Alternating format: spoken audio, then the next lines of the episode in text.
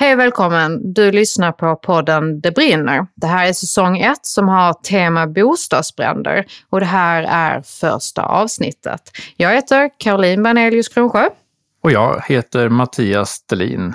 I det här avsnittet så kommer vi prata om statistik om bostadsbränder, både vad den visar men också vad som ligger bakom. Hur samlas den in och av vem? Och med oss i avsnittet idag har vi Malin Niklasson från Myndigheten för samhällsskydd och beredskap.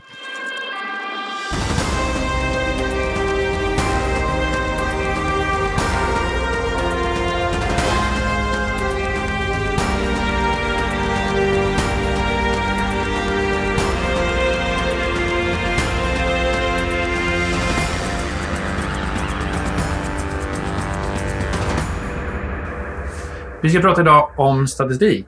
Hur mycket brinner det och vem drabbas? Vad vet vi om det? Vi vet ganska mycket.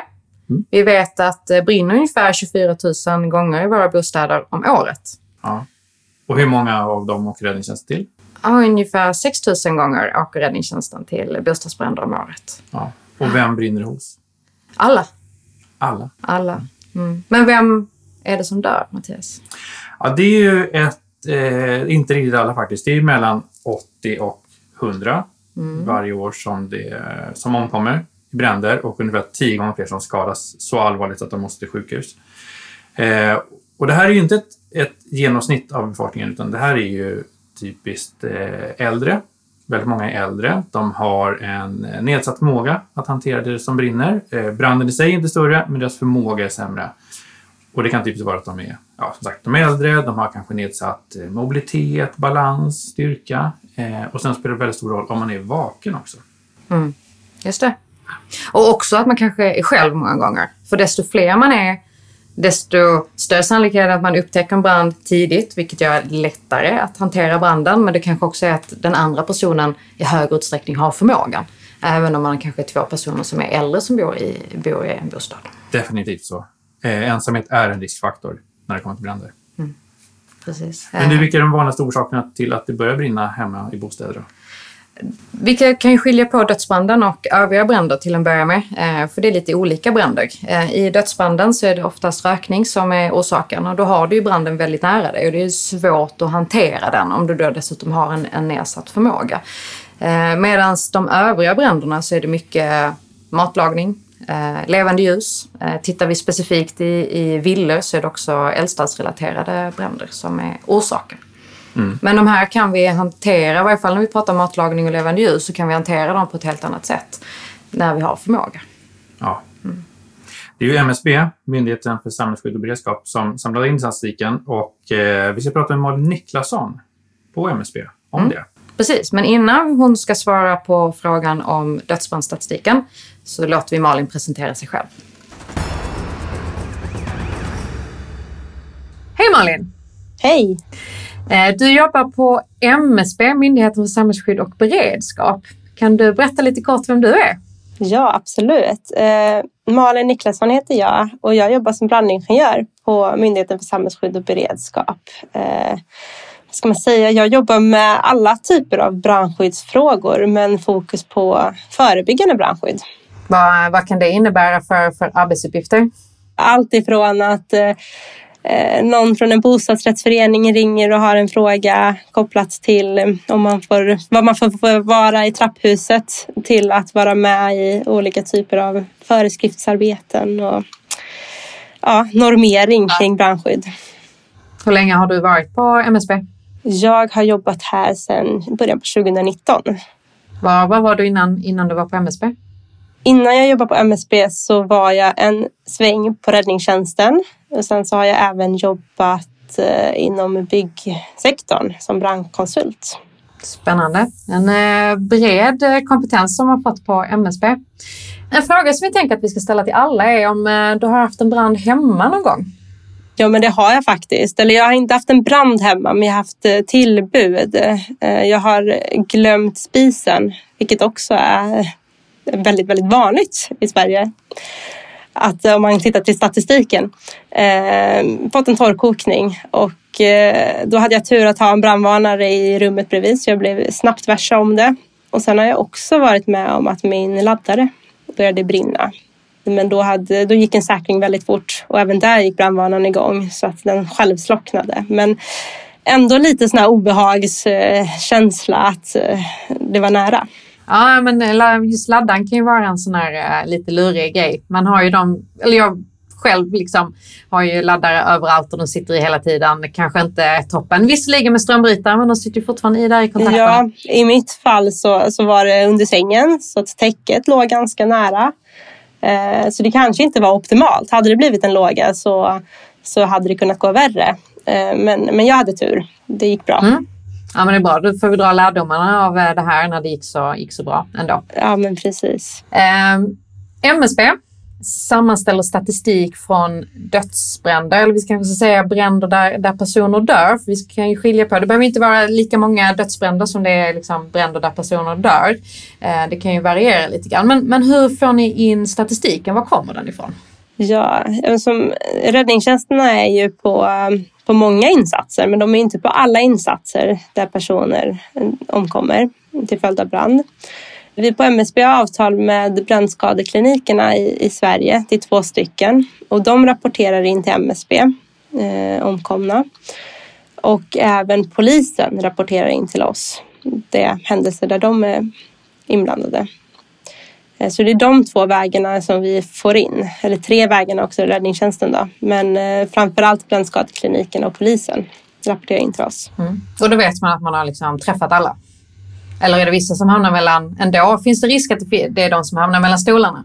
Det är klart att det finns en viss risk, men om man tittar på det är nog mer på ett fåtal individer i så fall. Så tittar vi på trender så tror vi att vi har ganska bra koll på antalet omkomna. Eh, och om man ska titta på hur det förändras över tid så är siffrorna tillräckligt bra. Eh, men det är klart att det kan, det kan saknas någon. Mm, mm.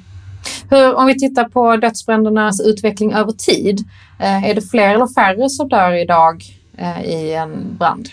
Ja, men det är färre. Dödsbränderna minskar och det är jättepositivt. Om vi tittar på eh, så långt bak som till 50-talet så har dödsbränderna sett till antalet invånare i Sverige mer än halverats.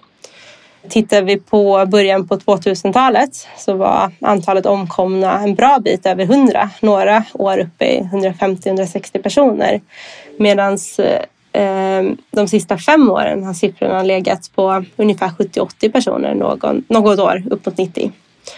Men då ska vi också ha med oss att eh, befolkningsmängden ökar och även de personerna som är överrepresenterade eller de grupperna de ökar ju också i och med att vi vet idag ganska mycket om vilka det är som, som omkommer i bränder eller vilka som har större risker för att omkomma i bränderna. Och de grupperna ökar, till exempel andelen äldre. Ja, men det är spännande att höra. Malin har alltså haft eh, brand hemma, till och med två stycken incidenter. Både med en eh, mobilladdare och eh, torrkokning på spisen. Två stycken ganska vanliga bränder, i varje fall när vi kommer till köket så är det ju vanligt. Mm. Okej, okay. så det är ändå färre och färre som dör i bränder, men det dör fortfarande många. Eh, och väldigt många har bränder hemma. Mm. Eh. Och då skulle man kunna tycka att en nollvision hade varit trevligt, precis som vi har i trafiken. Eh, där man har jobbat länge med nollvision och kommit ganska långt. Ja, ja. har man det då? Ja, har vi det? Jag ställde faktiskt den här frågan till Malin också. Så vi låter Malin svara på frågan. Men hur är det, har, har Sverige någon nollvision för antal döda i bränder? Ja, det sattes en nollvision år 2010 när vi hade ett antal tragiska händelser i Sverige. Så då eh, gjorde, eller tog vi fram en nationell strategi eh, för att stärka enskildes brandskydd. Då satte man den här nollvisionen med ett antal mål för att nå dit. Nollvisionen ska vi se som en vision. Eh, den är svår att nå. Sen eh, har vi satt delmål som eh, ska vara utmanande men ändå nåbara.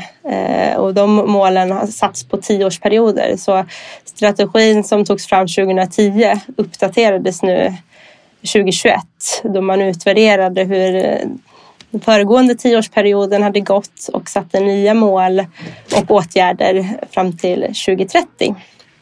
Och vilka är de målen då till 2030? Ja, men målen är att vi, antalet omkomna i bränder i bostadsmiljö ska vara under 60 personer per år eh, och antalet allvarligt skadade i bränder ska vara under 600 personer per år.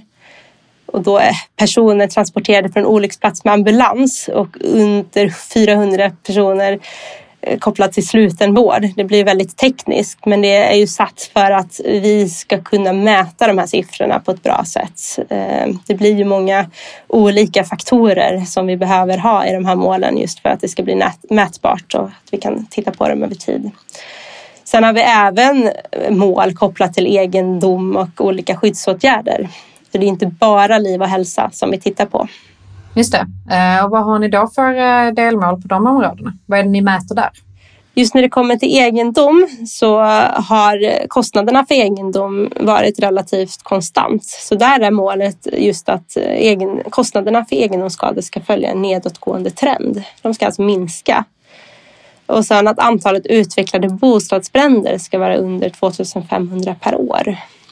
Och de här skyddsåtgärderna som vi har satt är att eh, fungerande brandvarnare i bostäderna ska uppgå till minst 95 procent. Alltså antalen hushåll eh, ska överstiga 95 procent som har en fungerande brandvarnare. Och antal hushåll med handbrandsläckare minst 80 procent och antal hushåll med brandfilt minst 70 procent. Mm, just det. Brandfilt och eh, handbrandsläckare. Vi förstod att du hade brandvarnare hemma, men hur ser det ut med brandfilt och handbrandsläckare? Det har jag faktiskt. Jag har två, två våningar i mitt hus. Jag eh, har eh, brandsläckare på varje våningsplan. Jag har en brandfilt i köket. Så att jag tycker nog att jag, jag har gjort det jag ska. Jag eh, är ju också lite yrkesskadad såklart så det är väldigt, väldigt viktigt för mig med brandskydd. Ja, men det är bra det. Jag tackar, tackar dig Malin för att du tog dig tid att gästa oss på podden Det brinner. Tack själv. Men du, för att eh, summera upp lite här för idag. Mm. Mm.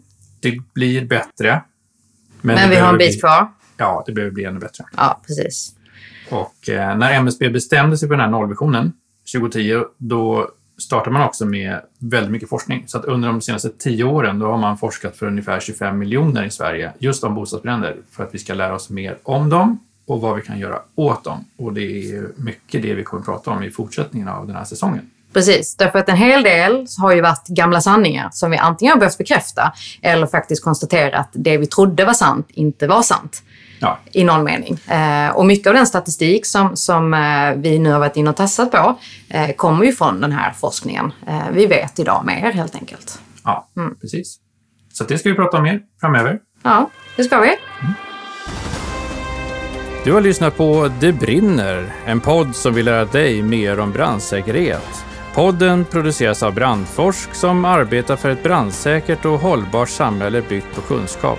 Du kan nå oss på brandforsk.se. Där kan du ställa frågor till oss och komma med förslag på frågor för oss att ta upp här i podden. Och till nästa gång, kom ihåg att testa din brandvarnare.